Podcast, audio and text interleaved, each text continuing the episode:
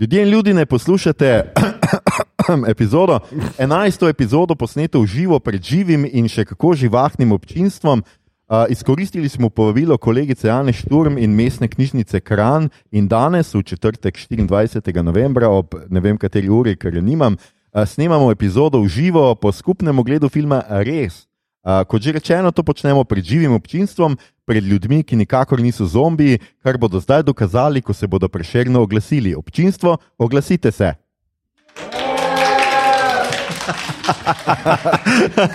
Hvala, uh, uh, živi ste, lepo.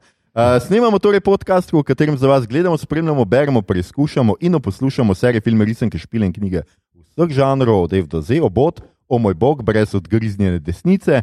Smo, tako kot skoraj vedno, Mito Gigič, Uh, bonžur. uh, Igor Harp. Jo. ne vem, zakaj, ampak meni je Igor vedno tistem jo. Uh, in Aljoša Hrlamov. Uh, in z nami je gostja, dopisna agentka, tako mi pravimo vsem, ki uh, gostjam, oziroma gostom, ki so večkrat v našem podkastu, uh, filmska kritičarka, urednica, publicistka, festivalska selektorica Ana Šturm. Koničiwa. Um, uh, Ana je tako pogosto z nami, da je že tako naš M, po mojem. No? Tako. Ja. Uh, današnja epizoda je, kot smo dejali, uvodoma, torej 11. epizoda v živo, v njej pa bomo govorili o prisrčno trapasti parodiji na zombijske grozljivke uh, Michaela Hazanevičiusa z naslovom Res ali Mišel. Mišel. Okay, ker je v Franciji živi, valjda. Skratka, je Mišel uh, res, oziroma Coupe, če sem si prav zapomnil, se to tako izgovori, ki ste ga lahko ujeli v kakšni od lokalnih kinodvoran, ki so vključene v Art Kino mrežo, ali če ste bili slučajno na festivalu v Kanu.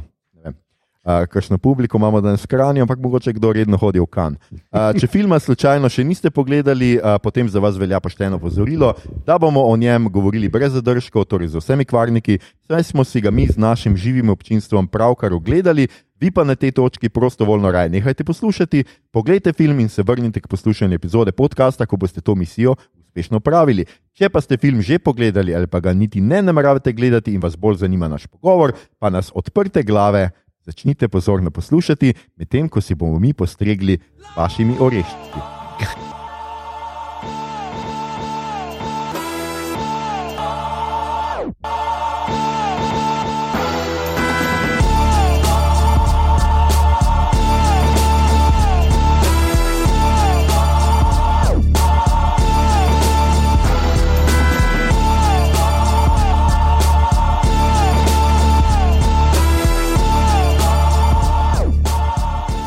Uh, skratka, gledali smo res um, kupe, uh, angliški naslov je Final Cut, um, tudi tako zelo fin uh, naslov.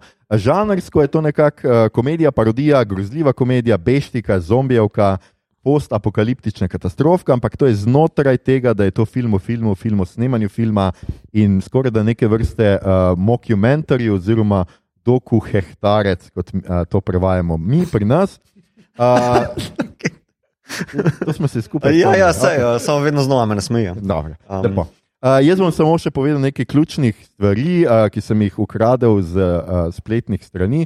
Skratka, režiser je Mišel Hazanevičius. Uh, če ga mogoče, najbrž ga poznate najbolj po njegovem The Artistu, umetniku, uh, ki je bil uh, leta 2011 prišel ven in bil kasneje nominiran za Oscar. Mislim, da je tudi nekaj Oscarje dobil. Ja, ful, ogromno. Ja. Šest. Ne vem natančno. Okay. Uh, ampak precej, tudi za najboljši film leta. tako da. Super, to je ta uh, skratka, isti režiser in pa parodično trilogijo OSS 117, skratka, agenta 117. Um, drugače pa je, aha, pet Oscarjev, sem imel v scenariju.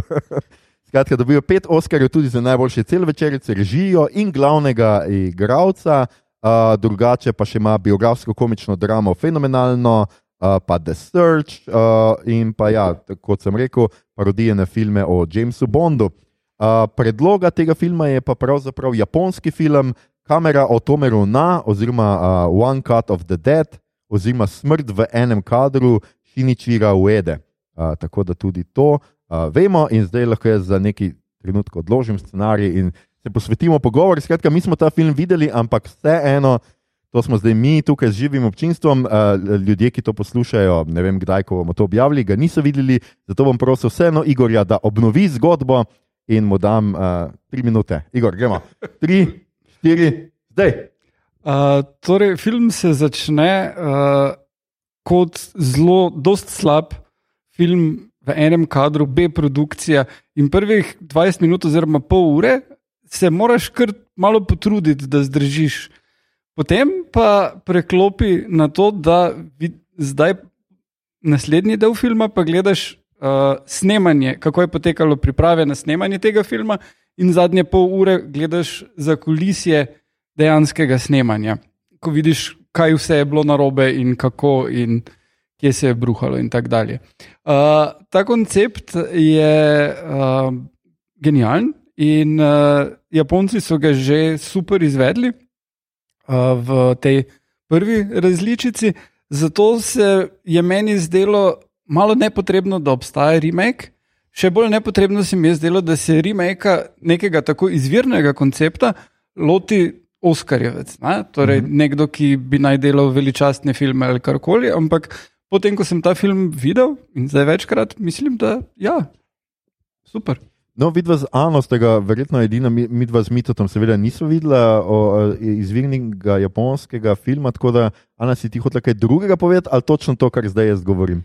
Ja, ne, jaz sem hodila povedati, da meni se pa zdi, da ta film absolutno nima potrebe, da obstaja še en tak film. Zaradi tega, ker se mi zdi, da dejansko ničesar ne pridoda originalnemu filmu. Mislim, dejansko je dobesedno remake, torej kader za kadrom. In kljub temu, da se mi zdi, da ima možnosti, da bi šel mogoče korak naprej, sploh glede na to, da recimo v tem francoskem filmu igrata dejansko tudi žena in hčerka režiserja, zakaj pa ne bi mogoče še on, pa bi dejansko popeljal mogoče to mal mm -hmm. dlje. Tudi v bistvu mislim, da se da zelo malo poudarka je na tem momentu, da še vedno obstaja. Oziroma, niso se, po mojem mnenju, dosto poigrali s tem, da že obstaja en remake in uh -huh. da bi to lahko veliko um, bolj vključilo v neko zgodbo. Uh -huh. Tako da ne vem, zdi se mi, da sta dva um, načina za gledati ta film. No. En je pač res to predpostavko, da poznaš že prejšnji originalni film, ker se mi zdi, da v tem primeru ti film dejansko ni nič posebenega. Čeprav v resnici ga je vedno fajn gledati, ker je tako genijalen, uh Mhm. -huh. pa za vse, ki imamo radi film, je dejansko noro gledati vsakič sproti ta moment nastajanja določenega filma. Se mi zdi, da to te tok potegne ampak v resnici bi rajš vedno znova gledala originalni film, ne uh, remake. Aha.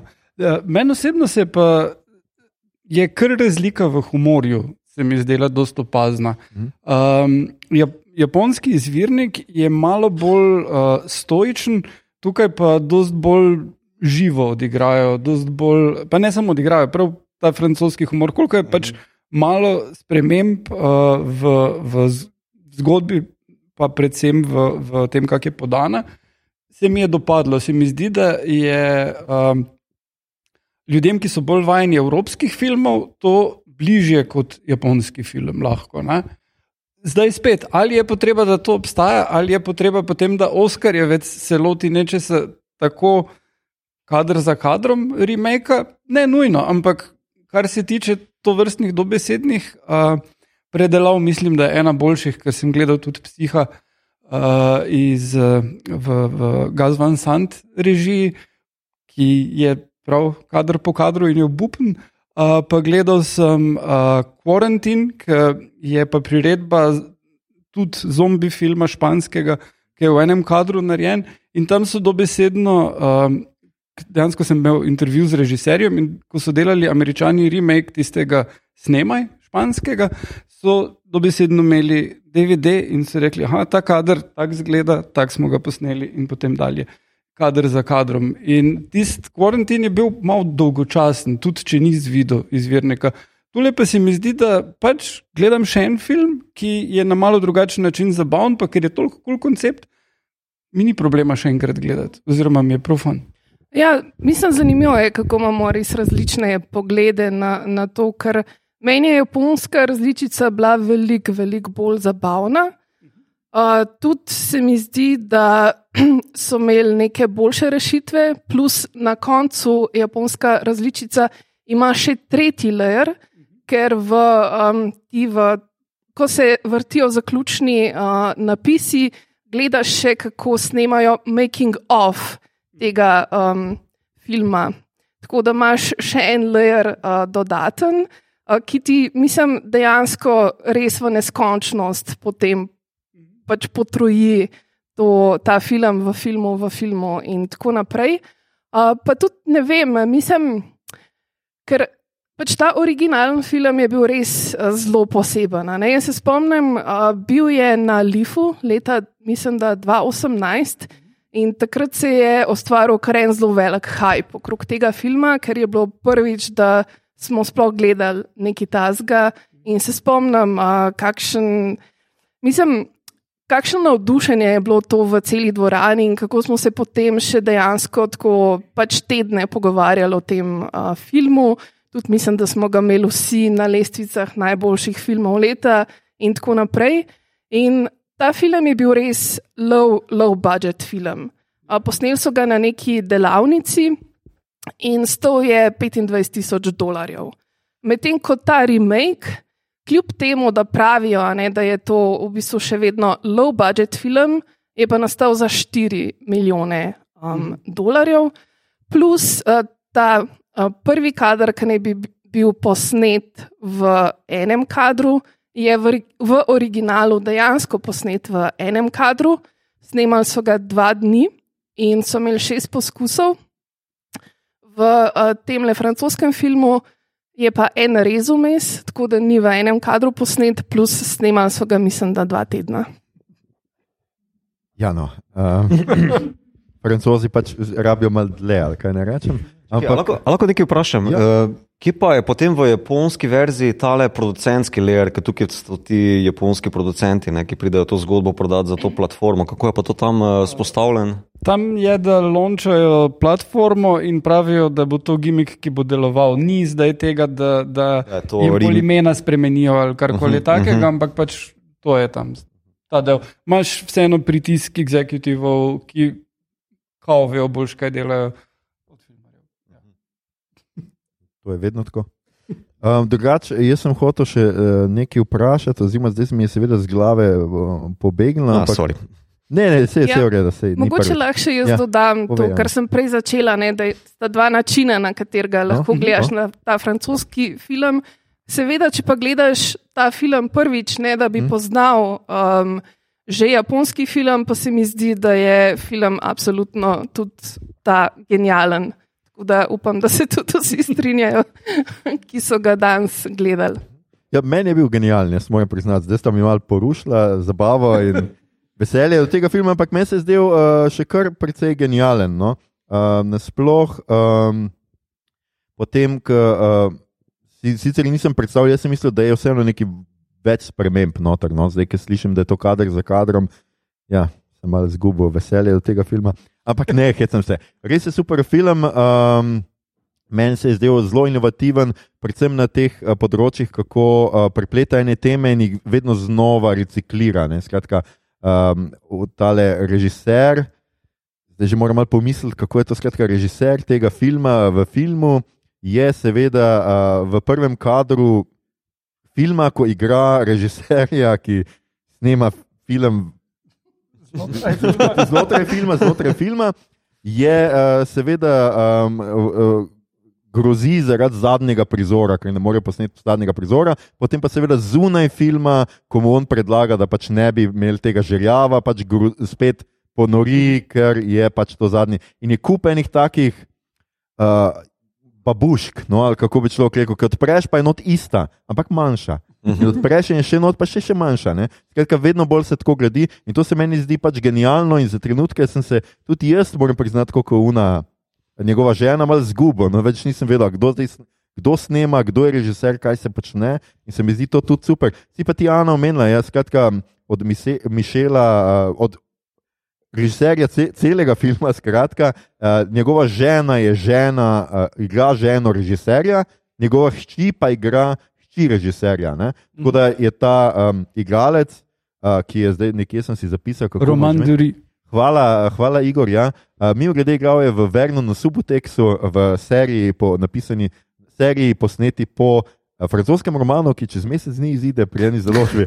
Tam tako mi grede. Uh, serije pa se ne da dobiti nikjer, sem je tudi jaz že iskal. Uh, uh, ampak ja, zdelo se mi je, da je tako zelo premišljeno narejen in zelo me je spominjal.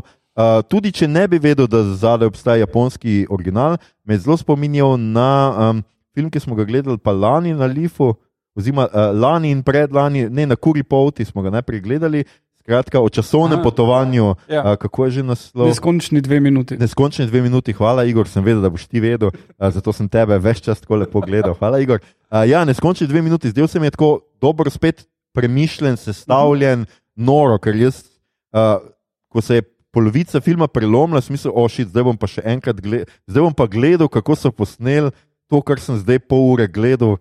Se mi to res da zdaj pogledati. In pol je pač tako genialno. In uh, super mi je bilo odziv občinstva, to moram tudi uh, povedati, da ne bom pozabil. Ko, je un, uh, uh, ko smo gledali film v filmu, uh, pa je zombi bruhal, smo bili vsi ok, zombi bruha. Bolj ko smo verjeli, ko so nas prepričali, da je to pravo bruhanje, čeprav je seveda še vedno v filmu, smo bili vsi tako, ja. Yeah. Da, best, mislim, to je en tak odziv, ki te film, kako magija filma, ki te prepriča, ne zdaj pa za res. In mi je bilo to, pač meni se je to zdelo genialno. no. Uh, Mito, kako se je tebi zdelo, ki si ga tudi prvič videl? Ja, Meni se zdi film je neka. Prvič pa skoraj prvič. Ja, ja. Meni se zdi film nasploh uh, tako ljubezensko pismo filma New, torej film Makingu, ne, torej uh, sami obrti. Ja, um, mislim, da je tudi režiser, danes sem gledal en intervju z njim, je rekel, da so dve leti v bistvu nekako čepel v tej uh, koronski zadevi in da so, ko je vse karantena padla dol, so se ful veselili v bistvu nazaj skočiti za delo, poprijeti za druženje, mislim za delo pa, da se bi družili z ostalimi in je ta scenarij, ta zadeva, ta koncept zelo prav prišla ravno zato, da bi ne vem, nekako uživili uh, vse skupaj. In uh, to se mi zdi, da se pozna, da se pozna nekje. No. Film ima full dober flow, lep tempo, ful je, zgleda full zabavno, pa tudi deluje, kot da se folk zabaval za tem. No. Tako nekako, kar pride skozi. no. Um, drugače pa ima, ne vem, zato, uh, sta mi malo pokvarila moj film pri tem, ampak meni, meni je bil pa zelo, zelo francoski. Uh, pa ni zaradi jezika, ampak ta nek tempo, pa humor, uh, ki mi je zelo taki napomoljerovski. No, um, tako zelo, ne vem, nimam druge besede kot francoski. No. Um, tako da me zanima, z mene pa bolj zanima ta zdaj s francos, em, pardon, uh, japonska stoičnost. Uh, ta, ne vem, Ja. um, Mislim, meni je ta film tudi zanimiv iz tega vidika, da um, res nagradi gledalca. Zaradi tega, ker se mi zdi, da vedno, ko gledam teh prvih 30 minut, imam tako občutek, da bi marsikdo že obupal, um, preden bi do konca pogledal ta film. Ampak mi je super, ker ta film pač dejansko nagradi tudi to ustrajnost gledanja. Ja, uh, ja d- to, to je meni izredno všeč, ampak uh, drugače, če se vrnem malo k tej francoskosti. Ja, mislim, jaz sem v zadnjem času, ko je bil Life, videl ogromno francoskih filmov, v glavnem sem gledal. V bistvu je bilo na sporedu, smo se že pogovarjali, na sporedu je bilo skoraj pol francoskih filmov, tako da se jim ni bilo mogoče izogniti. In, in prav isto vzdušje mi je. In to mi je prav nenavadno, glede na to, koliko malo sprememb v sami zgodbi je, da dobi toliko drugačen vibe. Ne? Se igravci zelo naredijo svoje. Ne? Tukaj se res pozna, ker in Berenice uh, Bežo uh, in uh, Roman Durista odlična igralca. In uh, se to tu pokaže. Ne? Pri japonskem ti igravci niso toliko izrazni, ampak je v sklopu tega. Ne? Se, tukaj tudi že vidiš, ta njegov slogan, kak je že uh, hitro, poceni in poprečno. Mm. Ampak on je full energičen človek. ne. Zdaj, glede na ta tak slogan, ima ponavadi človek, ki ni tak. Ne? In on Japonec full bolj to da ven, ne? da ta slogan gre k človeku. Ne? Tule pa pač se še, še vedno gre skozi. No? Ja, pa kupaj enih takih zanimivih um, fint, ki pos, so pozneje dekonstruirane. ne. Uh, noter imamo recimo ta foreshadowing, tako najbolj bedasto narejen, hej, kaj, kakšen hobi imaš pa ti, uh, krav maga. In tako čez pet minut, takoj vidiš tole, kako pač pride to, uh, učinkuje. Ne? In se mi zdi tako, uh, uh, fulje. Uh, Dejansko se ga da gledati kot neko učno uro, um, kako posneti film, oziroma kako zgraditi uh, film, ne? kako pravzaprav to neko ogrodje filma, ki ga, uh, uh, ki ga gradiš, nekako skušajo napetost spostaviti s to neko zgodbo uh, o, o Japonci, pač o teh japonskih poskusih na, na mrličih, pa s to neko krvavo zvezdo, uh, kako skratka to, uh, vse to gradijo. Je pa, uh, tako kot ste zdaj že vsi omenjali, nekako, seveda, velik poklon nizkoproračunskemu filmu. Uh Mhm. -huh. In jaz imam blazno rad nizkoproračunski film. In moram priznati, da sem malo žaljen, ker mi govorite, da prve pol ure bi mogel potrpeti. Jaz sem se strašno zabaval. Meni se je zdelo briljantno, jaz bi tako, to gledal še pol eno uro naprej. Ja, me, mene je kupila takoj roka, ki je rekel, ta ura, ful, točna. veš. ta ta stavek me je kupil. Ja, ja.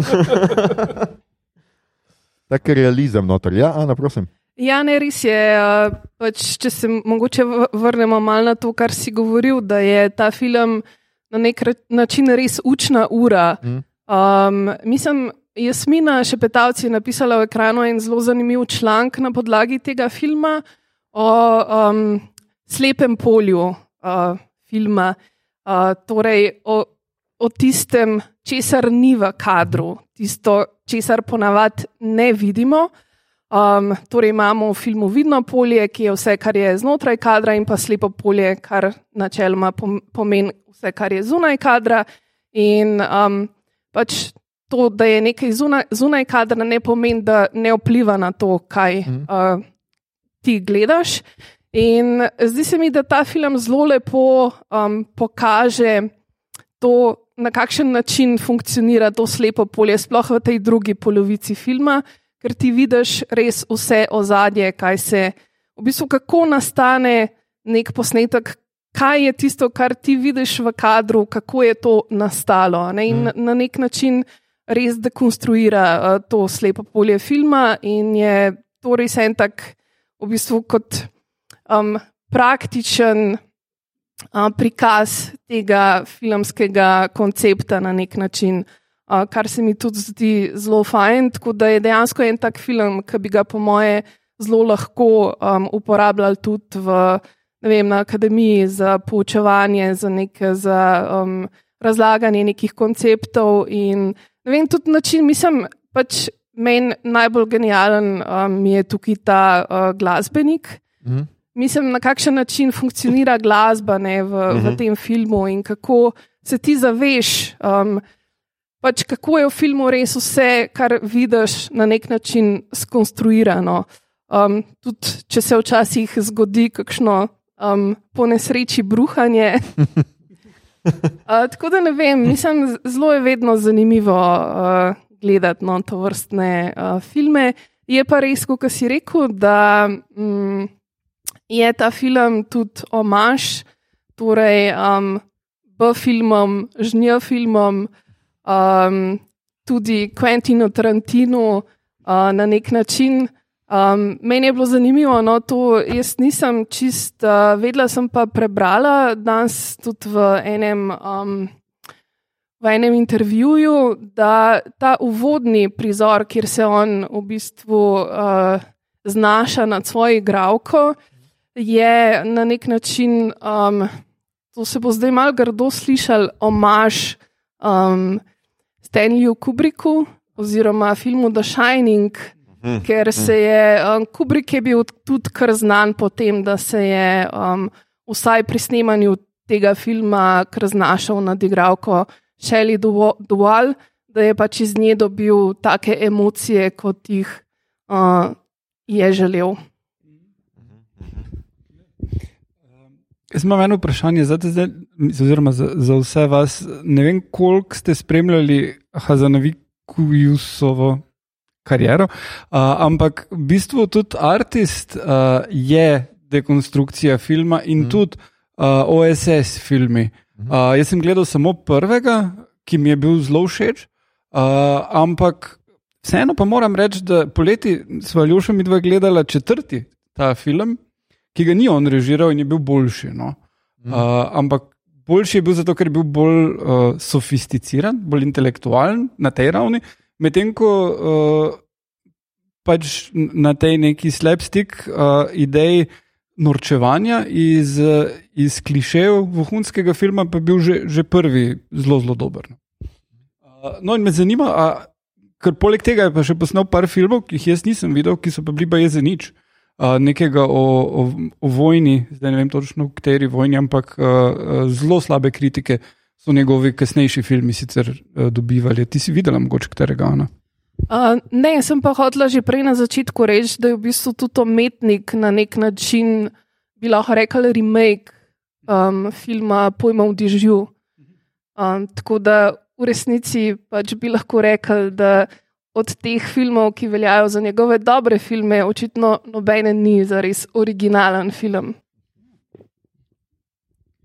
Ja, uh, vidva ste gledali umetnika? Ne, jaz ga, jaz ga ne poznam dobro. Ja, jaz sem umetnika gledal, ampak zdaj priznam, da se ga tako blazno ne spomnim ta trenutek, ampak uh, definitivno pa obstaja tudi režiser, ki v končni fazi, če gledamo, je tudi Tarantinova karijera, karijera rekonstruiranja filmov iz, drugih, iz številnih drugih filmov. Ne?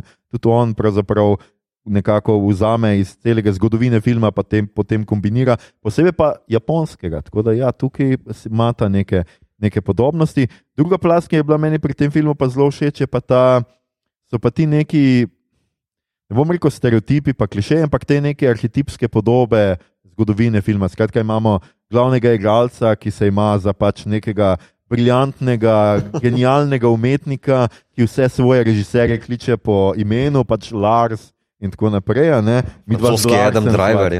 Ja, imaš skratka, to, imaš igralko, ki uh, stvari jemlje preveč za res, uh, imaš seveda režiserja, ki. Uh, Ki ga vsi podcenjujejo in bi rad impresioniral svojo hči. Skratka, imaš ene kup nekih, pa pijanca, pa dobro, zdaj ne vem, kaj je ta gospod Zdrisko, ampak Vsekakor nekdo, ki Mikroman. ja, ne pije eh, trde vode uh, in tako naprej. Skratka, tudi tukaj, tudi na tem levelu, gre skratka, za neko poklon filmu. Me pa mogoče bolj zanima, uh, to pa boste mi znali vi odgovoriti na to vprašanje.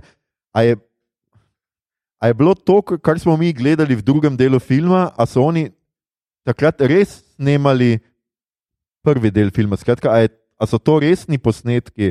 Iz tega, kar mi zdaj v drugem filmu gledamo, ali mislite, da so uno posneli, potem pa so posneli še enkrat, kako snema. Nisem čez ikak. Če razumete, kaj hočem vprašati. Ja. Ja. Uh, mislim, da v japonskem izvirniku so tako naredili, tukaj pa sem dost prepričan, da so dvakrat snemali ta del. Jaz se tudi nekako zdelo, da, da je ta, ta drugi del še enkrat posnet in da ni verjetno tisti posnetki niso. Ker že ta žerjav se mi je sicer zdel, da bi lahko bil na koncu, ampak ne vem, če bi šli staviti na to, da bo tako dobro to posnel, da, da bodo to lahko naredili. No? Ja, ne, uh, kaj takega bi bilo skoraj nemogoče. Ne? Mislim, te dolgi, dolgi kadri mm. uh, so, uh, to je fulj težko izvesti. On, Jih še par uh, uvede, not, uh, ker zdaj se ne spomnim točno, če je bilo v japonskem tam, ampak tam prvi uh, tisti priprave na, na prvo branje scenarija, uh, Tisto je full dolg kader, tako ne vem, ene pet minut vstaj uh, kroži naokrog in je zelo vredno narejeno. Ne? Zelo mm. dobro pokaže vzdušje ravno zaradi tega. Uh, kak se, kako se pripravljajo, kako v bistvu vsak na svoj način um, uh, dela z besedilom, proba najti čustva izrazno v sebi. Uh, in pač on tudi musko. Ne? Tole z musko je sploh genialno, ker vsake toliko misliš, da je filmska glasba, pa ugotoviš, da je glasba v sceni, ki slučajno deluje kot filmska glasba, kar je pač vem, stvar uh, zelo osnovnih komedij, ampak fulvrejo deluje. Hmm. Um, ja, še da ne pozabim, zelo se mi je tudi zdelo zabavno, da je seveda ta glavni igralec francoski primeren z Adamom, no, Adamom Driverom, ki je seveda nedolgo tega igral v Džarmuševem uh, filmu za zombiji. Eh, in zdaj ne vem, ali je to namerno ali sem zato, ker je pač Adam Driver, pač tako ime, ki ga vsi poznamo, pa je tak. Niti malo podoben igralec temu francoskemu igralcu, ali pa jaz kaj ne vem o njem, pa je on tudi tako, da vse kliče po prvem imenu in je uh, tako. Vem, premalo vemo o Adamu Driveru, ugotavljam. Dajte, nekdo naj me zapre nekam in me informira, ne, ne vem, kako uh, drugače. Uh, ja, uh, B-filmi, skratka, jaz ne vem, koliko uh, uh, poznate, ko gledate te stvari. Jaz imam B-filme izredno rad in uh, pač od njih imam rad ravno to, kar gledamo pač v prvem filmu, to, ta realizem, ker prav, prav vidiš, kako so skratka neki zafrknili in morajo uh, ne vem, improvizirati ali pa ne vem kaj. In uh, ful mi je dobro tudi ta plast, recimo s to krvjo, kako to posnamejo, kako to naredijo. In jaz si predstavljam, da tako tudi v resnici delajo pri, pri B-filmu. Uh, ja, vsekakor mislim, da je pač, uh, stvar B-filma v tem, da jih običajno delajo ljudje, ki še ne znajo delati filma in mm. pač probavajo. Tele tukaj uh, vidiš, da že imajo kar en kup idej, kako se te stvari naredijo. Uh, meni je bilo zelo zanimivo brati, uh, en meni zelo ljub film je uh, tale prvenec Sema Raimija, uh, ki mi je zdaj naslov zgledal. Evil Dead. Evil Dead, ja. In uh, sem veliko bral o tem, kak, kako so to snemali, in je bilo še bolj, bistveno bolj uh, uh, osnovno kot to, kar tukaj vidimo. Ne? Kako mm. kri si sam zmešati, ker pač kje hočeš kupiti, uh, kako ne vem, najet kočo v gozdu. Uh, in potem pripeljati ljudi tam in poskrbeti, da ne zmrznejo, ker pač ni ogrevanja. Mm. In potem igravci grejo domov in ti še neke druge igravce vlečeš z obje, pa upaš, da ne bo nihče opazil. Uh, kako, vem, tukaj imajo ta invalidski voziček ne, za ta trekking mm shot. Ne, tam je Raimi neko stvar iz lesa naredil kot nek stabilizator, da je lahko nosil kamero toliko nizko. Pač en kup uh, uh, stvari je, kako uh, uh, se teh stvari lotiš. In meni se vedno zdelo fulj zanimivo to gledati, kako do tega lahko pride. Ne. Ja, tako v bistvu pokaže ta glih uh, entuzijazem. Ne. Če sem tukaj samo moment. Um, um, da so vsi, tudi veliki studiji, predvsem Lukas Sarc, imam tukaj v mislih, eh, začeli skromno z kakšnimi takšnimi eh, simple špricer idejami, da se tako izrazim. Ne? Na Disney Plus imaš šestdelni dokumentarec o tem, kako so v bistvu tudi vsi ti veliki umetniki, ki so potem do vojne zvest pripeljali in potem do Photoshopa in do prvih računalniških grafik, začeli z stop motionom, pa z fake bloodom, torej z umetno krvjo, pa nekimi celkami. Ne? Um, tako da, ja, B-film. Uh, je marsikoga izstrelil, ne, ne sem kriv. um. Ja, ta magija film, filma, pa ti praktični efekti so vedno um, blazno zanimivi.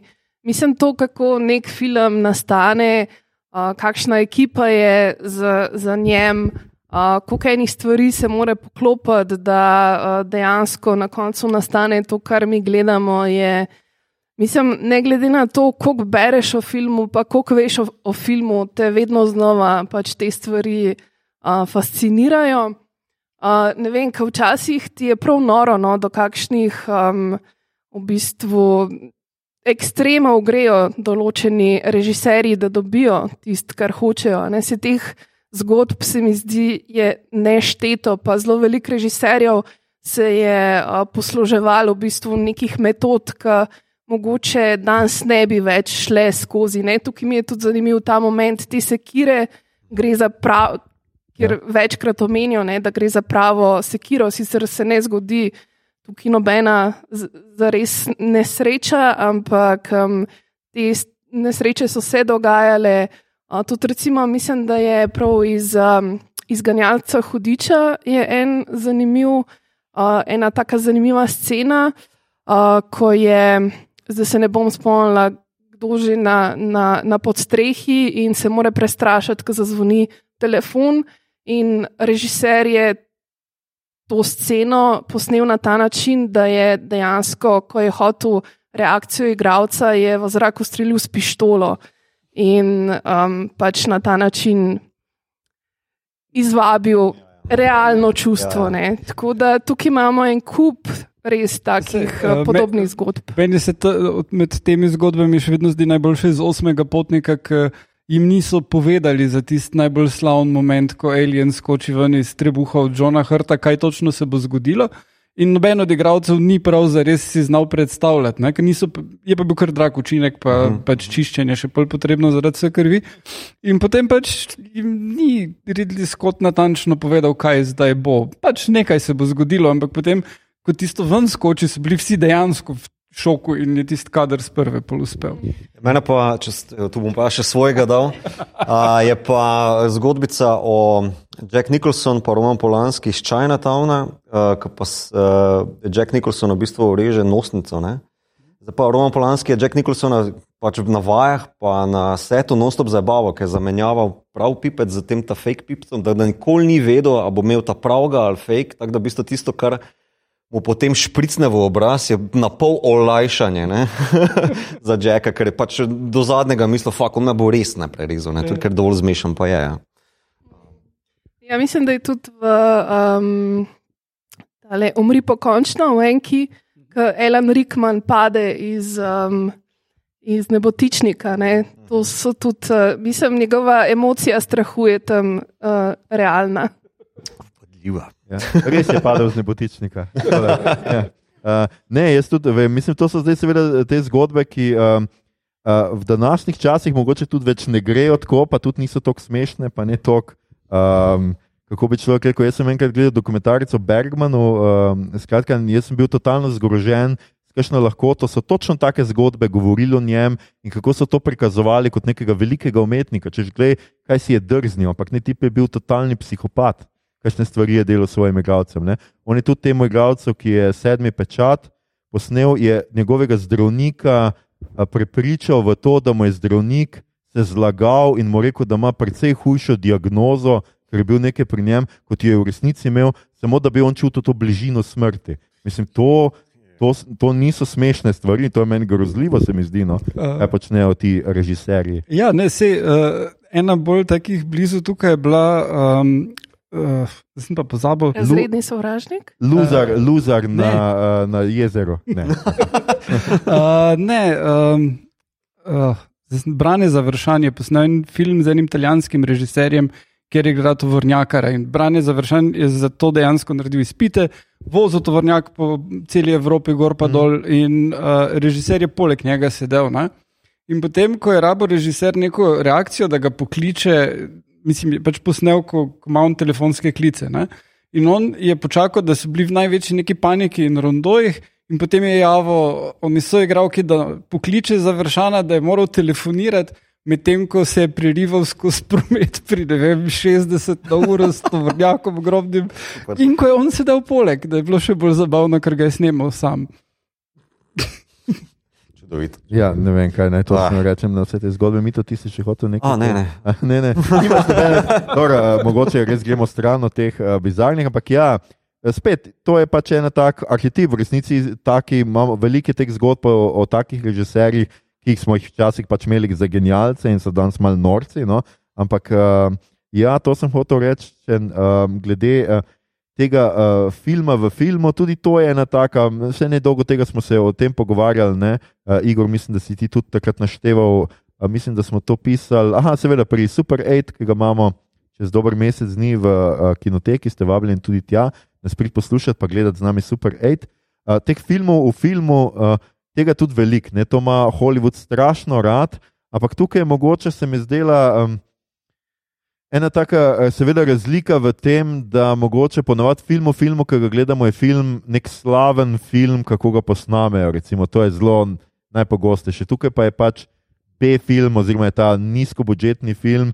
In je pač zanimivo, kaj ona pravi, da so 4 milijone za to porabili, ne? ker to je mal antiteza temu. Ne? Ker tukaj jaz mislim, da skuša pokazati, kako ljubezen do filma je pač neki, ne samo uh, nekaj. Uh, kar ta entuzijazem, ki ga mi pol začutimo v drugem delu filma, ampak tudi nekaj, kar povezuje družine in na koncu vsi naredijo tisto piramido, celo unboga reveš, ki ima drisko, pa uh, pijanc, pa ta zdaj glav, glavni galec, ki je bil velika zvezda, ampak na koncu se tudi on priključi in so ena taka srečna, uh, srečna familija. Ne? Mi smo nedolgo delali. delali uh, vampirje in slabe filme o vampirjih. In recimo, jaz si tako predstavljam, da so tudi nastali vinopiri, recimo uh, iz Plana 9, da je to ena velika srečna familija. Tako da jaz komaj čakam, da mi posnamemo film. No. Kaj bi pa snimal? Zombije. mogoče. Čeprav je treba razi, razlikovati ne, mislim, med temi filmi, ki so namenoma narejeni slabi, Mhm. pa pač tistimi filmi, ki pač slabi. So samo slabi. Mm.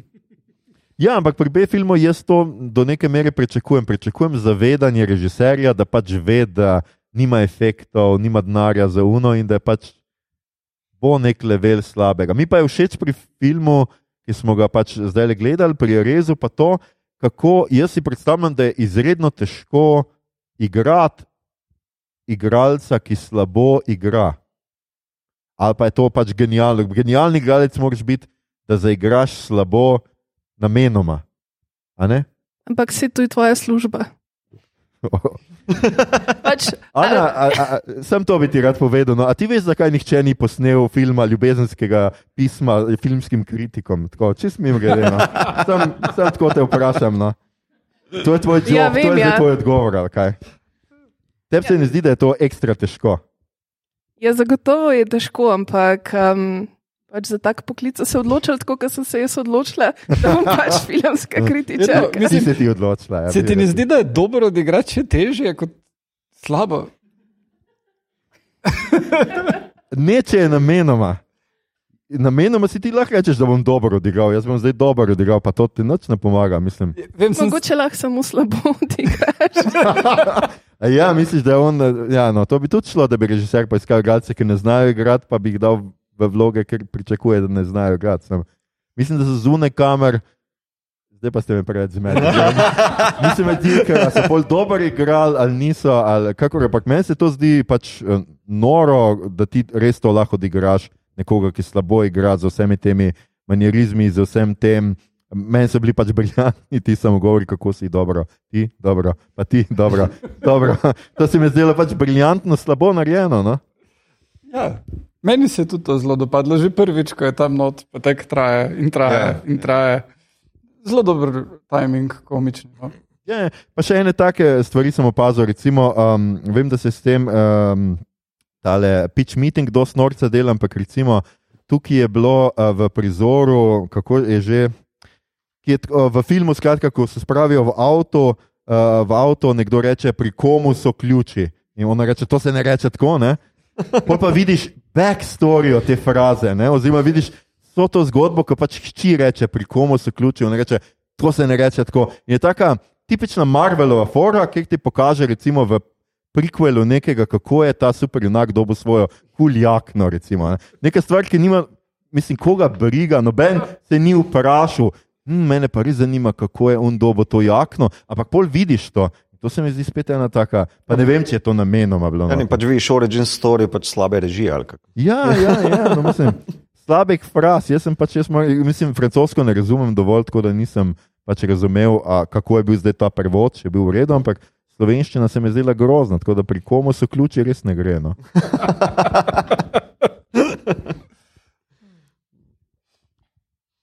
Okay, eh, še, kdo- še, bo še, še kdo hotel kaj povedati o filmu, ali bom sam jaz govoril? Ja, o takih slovničnih ne, mislim, ampak Ne, ne bo, zdaj pa ne bom govoril več, ne, če spijem. Tako da, Zabavajte občinstvo, tle so vaše. So. ja, meni je bil pa lep, tako za pogled, vizualno. Mhm. Čisto, najprej, ko smo se pa začeli pogovarjati, pa, pa dogovarjati za ogled tega, pa pogovor o tem, pa sem bil tako, ok, to bo res neki grauš ali pa neki Mm. sivga. Pa, pa me v bistvu ves ta kroma, ves ta živahnost teh barov, je zelo, zelo prijetno, pozitivno presenetila. No. Tako, ne vem, kako se je vam zdel, ampak tako. Uh, ja, mislim, se vidi, da ni low budget film. ne. Uh, Ja, pa vidi se, Dobro, da ni zombi film, ampak je parodija uh Mhm, -huh, ne, ja. na zombi film. In mislim, da parodije se mi zdi so vedno v teh nekih kričečih barvah, kot je recimo ta režiserjeva srajca. Se mi zdi, da so to Ja, neki ja. elementi, ki jih ponovadi najdemo. teh Srajca je mislim, da parodijah. identična kot v japonskem. Ja. Uh -huh. Uh, prav isto srajco. Ja, Mislim, Hawaii t-shirt. ja, ja, pa Tiki lounge. vzorec, Ja, Aha, okay. tlo, ja. Um, ja, viš, jaz ponavadi parodije, predvsem ameriške poznamo ne, iz 80-ih, uh, pa 90-ih, ko so bile na vrhuncu, no, I guess, uh, da so pač vse skušali totalno skiniti tisti nek žanr ali pa dotični film, medtem ko tale se mi pa zdi, da skuša nekako na svojih nogah. Zdaj ne vem, tisti kadrček, na koga on gleda na iPadu ne, za hčerko, tisto je pač mm -hmm. original film. Ne. če prav razumem, je on gledal Ja, ja, ja. original. ne. Ja, ja. Tam mi ni delovalo, mi je zgledal bolj Battle Royališ. Tako, ne. Ja, mislim, da se tukaj vsekakor pozna 25 tisoč versus 4 Mhm, milijone. ja, ja, ja, ja. Ja. Uh, ja, ne, mislim, japonski film ima dejansko veliko drugačen, um, drugačno atmosfero, drugače vizualno zgleda, ker mislim, da ta film, ki smo ga danes gledali, ne zgleda low budget film, pač zgleda zelo proper film. Mm. Medtem ko zato je mogoče meni japonska verzija tudi malo bolj všeč, ker tako kot ko smo se sicer prej pogovarjali, da tudi tukaj se čuti ta entuzijazem, ta ljubezen do filma, ampak mislim, da je to pač v japonski verziji še veliko bolj evidentno, ker gre res, mislim, točno za to, o čemer je film. Tukaj smo pa pač v bistvu že nek korak drugje, oziroma je neka druga perspektiva. No, kar se tega tiče, veš, nek. Zdaj, mislim, um, pač nek uveljavljen evropski režiser pač si želi delati uh, ljubezensko pismo filmu. Ne. Mm. Mislim, ne vem, pač ok, nared pa ljubezensko pismo filmu za 25 tisoč dolarjev. Ne vem. Ja, no, mislim, po mojem, da on da za najemnino v svojega stanovanja na mesec toliko. Uh, tako da vseeno, mislim, bi si težko, mislim, po drugi strani bi lahko sam financiral tak film. Uh, Oskarja prodal pa je. Uh, ampak uh, uh, ne vem. Znotraj njegovega opusa se mi pa zdi to vseeno najbolj uh, umirjen film, najbolj se je nazaj držal. V, v, in v Artistu, in v teh OSS filmih bistveno bolj potencira parodijo. Tukaj pa se je zelo, zelo držal izvirnika. Uh, pa tam, kjer je šel naprej, mislim, po mojem, je bila pametna tudi izbira Romana Durisa za, za glavnega igralca, ker Žan Dožerden, ki, s katerim je on načeloma sodeloval, v glavnem, ne, Mm. bi bil štirikrat bolj over the top v vlogi režiserja. Ne, z tistim svojim nasmehom in vsem. Mislim, Žan Dožerden je mislim, dobil nominacijo za Oscarja uh, za, za artista, ampak igrati pa pravzaprav ne zna, zna biti smešen. Uh, in, in bi v tej vlogi bil smešen, in ne bi bil prepričljiv, po mojem. Ne. In, bi dobili čist drug film. Da, mislim, da, da je Hazanavikus tukaj enih par zelo pametnih odločitev sprejel, da je ta film toliko vseeno gledljiv in zabaven, če nisi videl izvirnika. hipsterja. Um, ja, absolutno uh, uh, se strinjam sicer glede glavca, definitivno, čeprav zakaj pa ne znam. Mislim, tudi biti smešen ni tako lahko, ampak ne vem, kaj danes imate prek, prek igralcev. Uh, hotel sem pa jaz reči, da um, tudi ta uh, podton oziroma tole, zdaj ne vem, to je najbrž tudi v japonskem uh, filmu, domnevam, ne, kako je tudi po eni strani to dekonstrukcija zombijevih filmov, tako s tem, da jih neprestano razlaga zombije. Ne? Skratka, tukaj glavni igralec, um, to besedno na prvo žogo, ne, ne znam boljše metafore, zato pač pravi pač. Zombijem, medtem ko se bori z zombijem, mu razlaga, zakaj je on zombi, in pač obtožuje vse potrošništvo, kapitalizem, uh, ne, vem, kaj še, ne vem, kaj je to mondalizacija. To Mislim, da videl. globalizacija. Aha, to se je tudi meni zdelo, da bo verjetno na robe je pove. Bolj francosko je. A- Razen če prevajalca, pa prevajalka ni dobro prevedel, ampak uh, ja, mondalizacijo. Skratka, vse te našteva in vsem tem, to, vse to v resnici zombi pomenijo. Ne? Zgodovina filma je zgodovina tega, da so zombi vedno predstavljajo neko družbeno realnost in neke družbene največje tegobe tistega časa. Ne? Zadnje čase so zdaj potrošniki, skratka, zombi kot potrošniki in se zombi filmi dogajajo v supermarketih. Včasih so se vem, uh, v mestih kot delavci in tako naprej. Skratka, vse te metafore ti film ne da kot metafore, ampak ti jih vrže v obraz. No? Ja, čeprav si že pri Romeru so bili v supermarketu. ne. Ja, v bistvu je to že od 70-ih. samega začetka, Mm, je ta trop. Mislim, jaz bi tukaj mogoče sam dodala, da um, je Marcel Štefančič napisal eno odlično knjigo z, z naslovom Zombi, kjer um, zelo natančno popiše, pač, mislim, da čisto vse zombi filme. ja, ja. In, Do tistega um, trenutka, onih, ki še niso bili posneti, ni, ampak In dejansko je zelo zanimiva knjiga no, za branje, ker gre čez vse te ja, um, metafore, sploh pač njemu tako ljubega, um, ljube teme kapitalizma. Mm. Ja, ja, se tudi tukaj za tale film je, je pisal na strani Kinodvora, se lahko preberete pač tipičen uh, Štefančičev tekst ven iz njegove kritike. Skratka, kaj, kaj vse je ta film, je parodija nizkobudžetnih produkcij, obupanosti zombi manije, filmskega, pre... ja, čakaj, zdaj sem se pa zgubil, film, filmskega egoizma in narcisizma, patetičnih avtorskih kompromisov, umetnosti snemanja, pretencioznosti kadra sekvence, platformnega kapitalizma, našega užitka v apokaliptični dezintegraciji človeškega telesa. Uh. Neuničljivosti filma, tega velikega šelivca in iluzionista in katarzičnega transformativnega potencijala groze, gorja in gravža.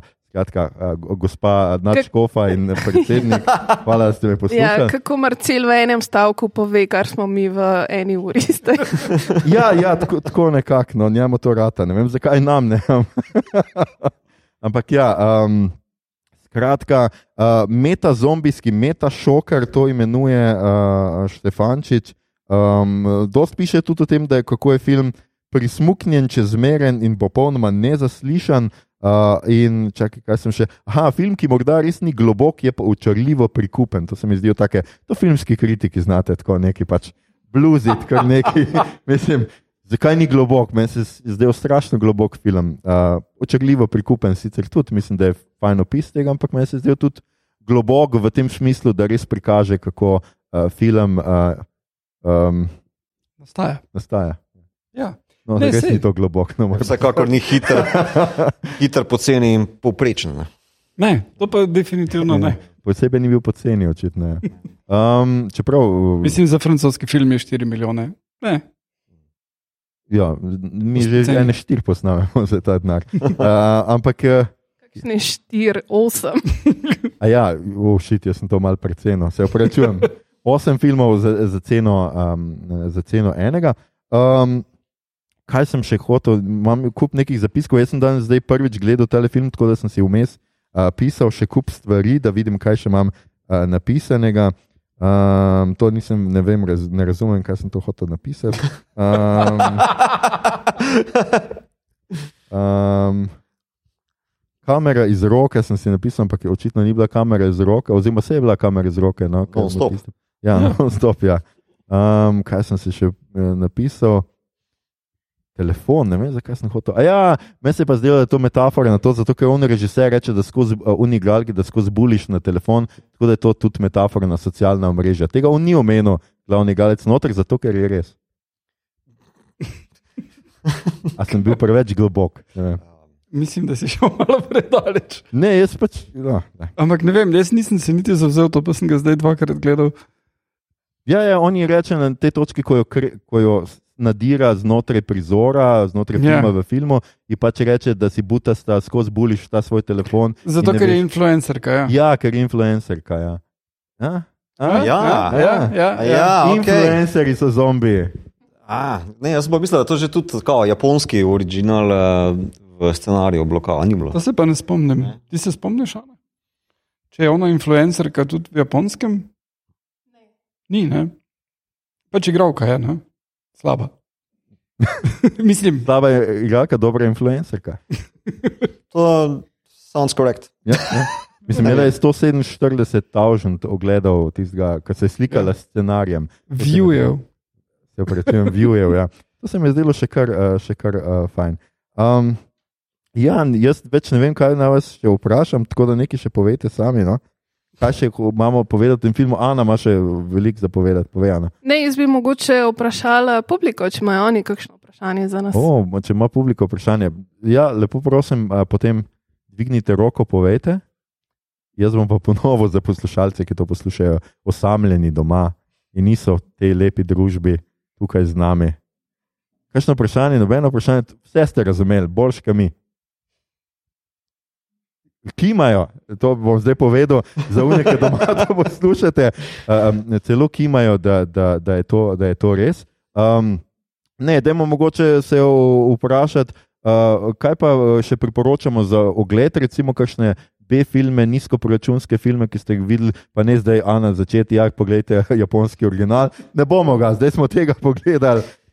Mislim, Mene ta film spomni pa ni po budžetu ali pa po namenu ali pa dekonstrukciji česar koli tega, ampak po tempu, pa po humorju na Oscarja, uh, tale Stallone film Aha, iz ja. 90-ih. Pa Ne vem zakaj. Mogoče zato, ker te vse spominja na Oscar. ne, to se zdaj tudi ne znam predstavljati, ker pač tam so gangsterji, niso zombi. Ne, ne, Ne, ne, ne. Samo veš, šel pa tempo, pa humor, pa en, uh, ti zapleti situacijski, ki se vijajo enega v drugega. Tako se mi zdi, no, da ima tu neko podobnost.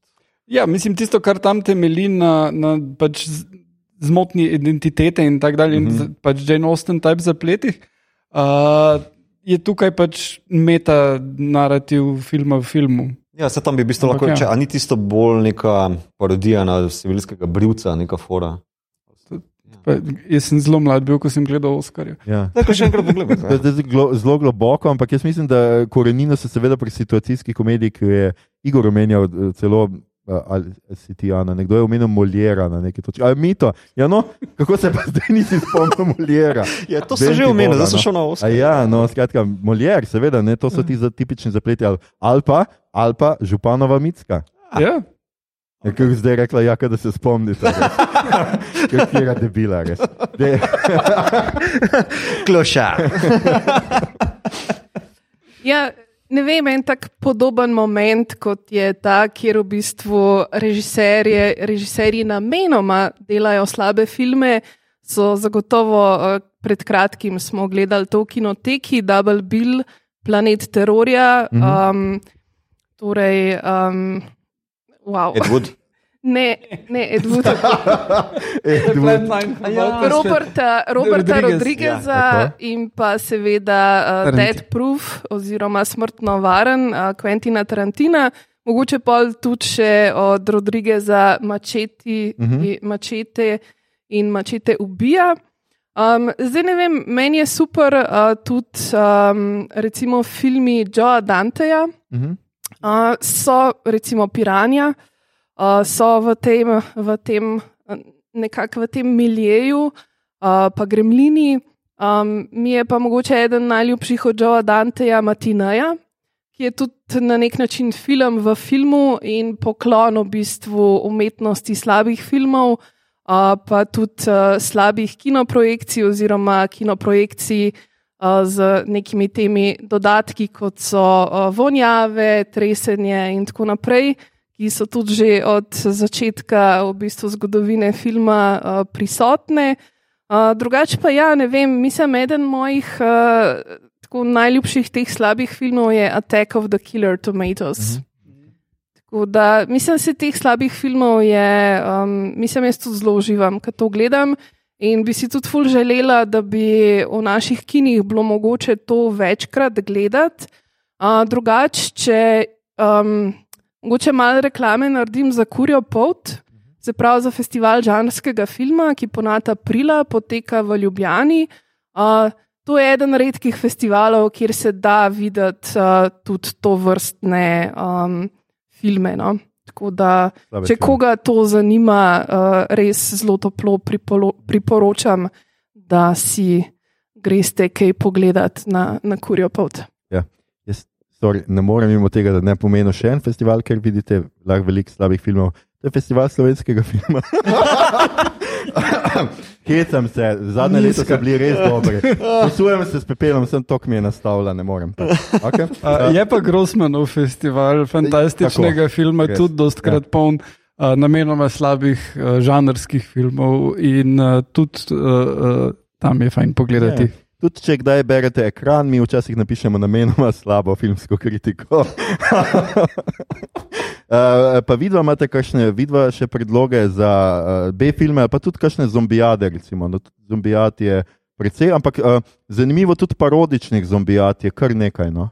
Ja, mislim, Shaun of the Dead, obvisli, mm. kar se tega tiče, uh, je, je najbolj slavna in uh, pravzaprav je potem težko ostali resno imati. Mislim, se jim smejati, ker je toliko dobro. Uh, ampak uh, ne, to, to, kar se teh metanarativov tiče, prej smo že omenili neskončni dve minuti. Uh, to je definitivno uh, super film za pogled. Upam, da naslednji projekt Hazanavikusa, remake tega. Uh, za, ker tisti film zgleda, da je bil posnet za še manj kot 25 tisoč, tako da bi ga zmogel pol za 2 ja, milijona. Me zanima, kako bi izgledal, če bi full denarja v to vrgel. Ja, ja, ja. ja. Um, ampak uh, to nek poklon kinu in um, izkušnji gledanja filmov, pa bi jaz uh, omenil uh, Last Action Hero, film, ki se mm -hmm. ga dostkrat pozabi in je meni bil. Vem, da takrat, ko je vam prišel, pa dostkrat kasneje, bil en tak, da je to pretenciozno in prazno in vse, ampak meni je bil ta film uh, kot, uh, ne vem, koliko star sem, dosti mlad, ko sem to videl, vedno full, full všeč in se mi zdi res lepo, uh, kako zlaga žanre in se norčuje iz teh uh, uh, pač klišejev akcijskih filmov, plus da nam da uh, edinkrat, da vidimo, kako izgleda Schwarzenegger, ki igra Hamleta. O, ja, točno. Mm? uh, Mito, kaj pa ti, kakšni predlogi? Si že prej omenil, Ja, ja, že prej- Edward. Ed Wood. Um, Nje, njegove filme in film Ed Wood. Ja. ja, čeprav nisem stručko za njegove, prav specifične, torej jaz sem poznam Burtonovo. Plan 9 from From Outer Space. Ja. Ja, mislim, da če hočete v bistvu za najboljši začetek za um, ne vem, inicijacijo v B-film, je zagotovo Ed Wood. Um, tako da to se splača kaj pogledati. Mislim, da so vsi ti filmi tudi že zdavnaj brez avtorskih pravic, tako da se zagotovo najdejo tudi v celoti na YouTubu in na kakšnih podobnih platformah. Tako da ne vem, pol itak tudi smo že omenjali Georgea Romera, a, pa mogoče Rasa Merja. Mm, tako da tukaj imamo res en kup um, tovrstnih pač zadev. Sploh nimam toliko naslovov, jaz, nisem, jaz sem full bog, eh, kar se tiče zombijat, ampak ajde, če pa neki meta iščem, ne, pa bom pa sam priporočil zadnji del Rick and Mortija iz uh, pete sezone, Uh -huh. ki je pa prav naslov neki metaverse ali nekaj tasga in je v bistvu taka bonanza meta narativov pa meta klišejev, ki se grejo občist na Rick and Morty uh, logiko. Tako da, takrat ima glava bolina, uh, tako so hiter. Ja, ja, tam je tudi uh, taka drugačija. Jaz, prej, ki si, ki si omenil, ko smo omenjali Moljera, no, jaz sem tudi pomislil dosti na, seveda, brate Marx, mene pa je malo spominjalo, pač ta mešanica nekega slapsticka, pa mešanica teh hitrih izmenjav, tam je sicer bolj dialogov, no, tako, tukaj ni bilo toliko v dialogu, ampak ta neke vrste komedije se mi tudi zdi, uh, da, da je tukaj dost, uh, dost podobna. Um, Uh, Ana, uh, boš ti mogoče, zdaj tole sicer bo za našo publiko, ki tole posluša, malo prepozen, ker ne vemo, kdaj bomo to gor dali, ampak povabila seveda občinstvo, uh, kran, krančane, krance, kar- karkoli pač so ti ljudje tukaj. Uh, aj boš povabila na animateko, jaz mislim, da to vseeno ena stvar, ki prihaja, nas, a je že to naslednji teden, ne. Ja. Ja, ni, Oje, uh, festival Animateka, um, vsi, ki vas zanima uh, animirani film, uh, vabljeni od ponedeljka naprej, se pravi 28. do 4. december. Uh, kar se mene tiče, zagotovo eden najboljših evropskih festivalov, brez dvoma. Uh, letos bo Animateko obiskal čez 300 gostov. Uh, program je pač res napolnjen do uh, zadnjega in prinaša tako festival res en kup enih um, odličnih, odličnih filmov. Kar se mene tiče, se tudi v, um, na področju animi, animiranega filma uh, trenutno dogajajo najbolj zanimive uh, stvari uh, v filmu sploh. Um, je pa v bistvu res to zelo specifičen, um, niti ne žanr, ampak specifična zvrst filma. Uh, animateka je sicer um, torej posvečena avtorski animaciji, uh, na njej ne boste najdel mogoče ne vem, nekih animejev, pa nekih Disney produkcij, ampak tudi vsi celovečerni filmi, ki so prikazani, gre ponavadi za uh, avtorske animacije. Mogoče bi priporočila enega, ki sem ga dejansko že videla, to je film. Um, Srebrna ptica, Maurična riba in sicer gre za kolažni dokumentarc, ki ga je naredil kitajski režiser Lei Lei, pripoveduje pa zgodbo o, um, oziroma zgodbo pripovedujeta njegov oče in njegov dedek o tem, kako uh, so pač preživljali uh, kitajsko kulturno revolucijo in je res izjemno, tako vizualno kot vsebinsko zanimiv. Okay, okay. Zdaj veste, kakšni filmi so všeč ali šturm. Tako da uh, um, si lahko predstavljate, kaj si mislijo drugače o zombijih, ampak dobro, no. ne bom te več hecal, Ana, oprosti. Ampak vsake to kcajte, malo moram. Uh, če ni uh, več, uh, ne mislim, noben noč dodati, noben z občinstva noč vprašati, nobena roka ni po konci. Tako da uh, bomo kar uh, začeli z uh, zaključkom.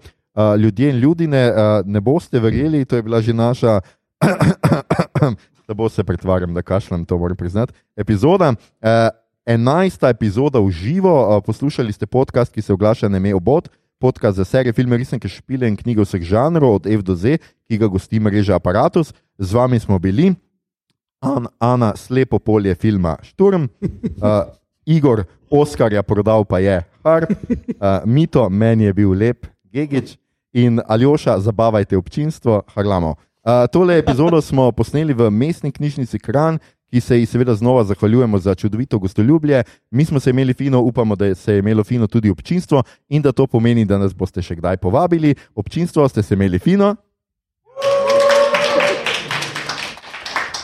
Če vam je bilo všeč, kaj ste danes slišali, delite všečkajte naš podcast, naročite se nam preko vaše najljubše aplikacije oziroma ponudnika podkastov, dajte nam kakšno ceno na Apple Podcast ali Spotify, spremljajte platformo aparatu z odličnim izborom podkastov za vsakega In če boste danes po noči sanjali, da žvečite človeško meso, vašega nadrejenega, starša, partnerja, soseda ali natakarja, ki vam je usilil nov post-terminal, ki vas sprašuje po napetnini, pa vas je bilo pred njim preveč sram, da bi pritisnili brez. Pa saj vas je kar hitro postregel, čeprav spet ne tako hitro. Poleg tega pa v nenadni paniki niste znali dobro zračunati, koliko je 15% od 16 evrov, koliko ste dali za eno klinčevo rundo piva, se nikar ne ustrašite, samo sanje so.